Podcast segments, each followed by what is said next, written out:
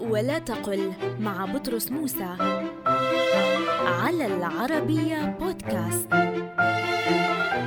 أكرى بيته بمعنى أجره لا كرى بيته.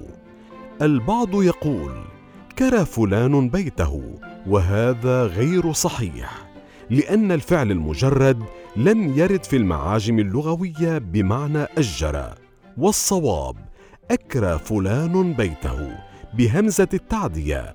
فالمزيد بالهمزة. أكرى هو الوارد في المعاجم بمعنى أجر الشيء. أما كرى المجرد فهو بمعنى حفر.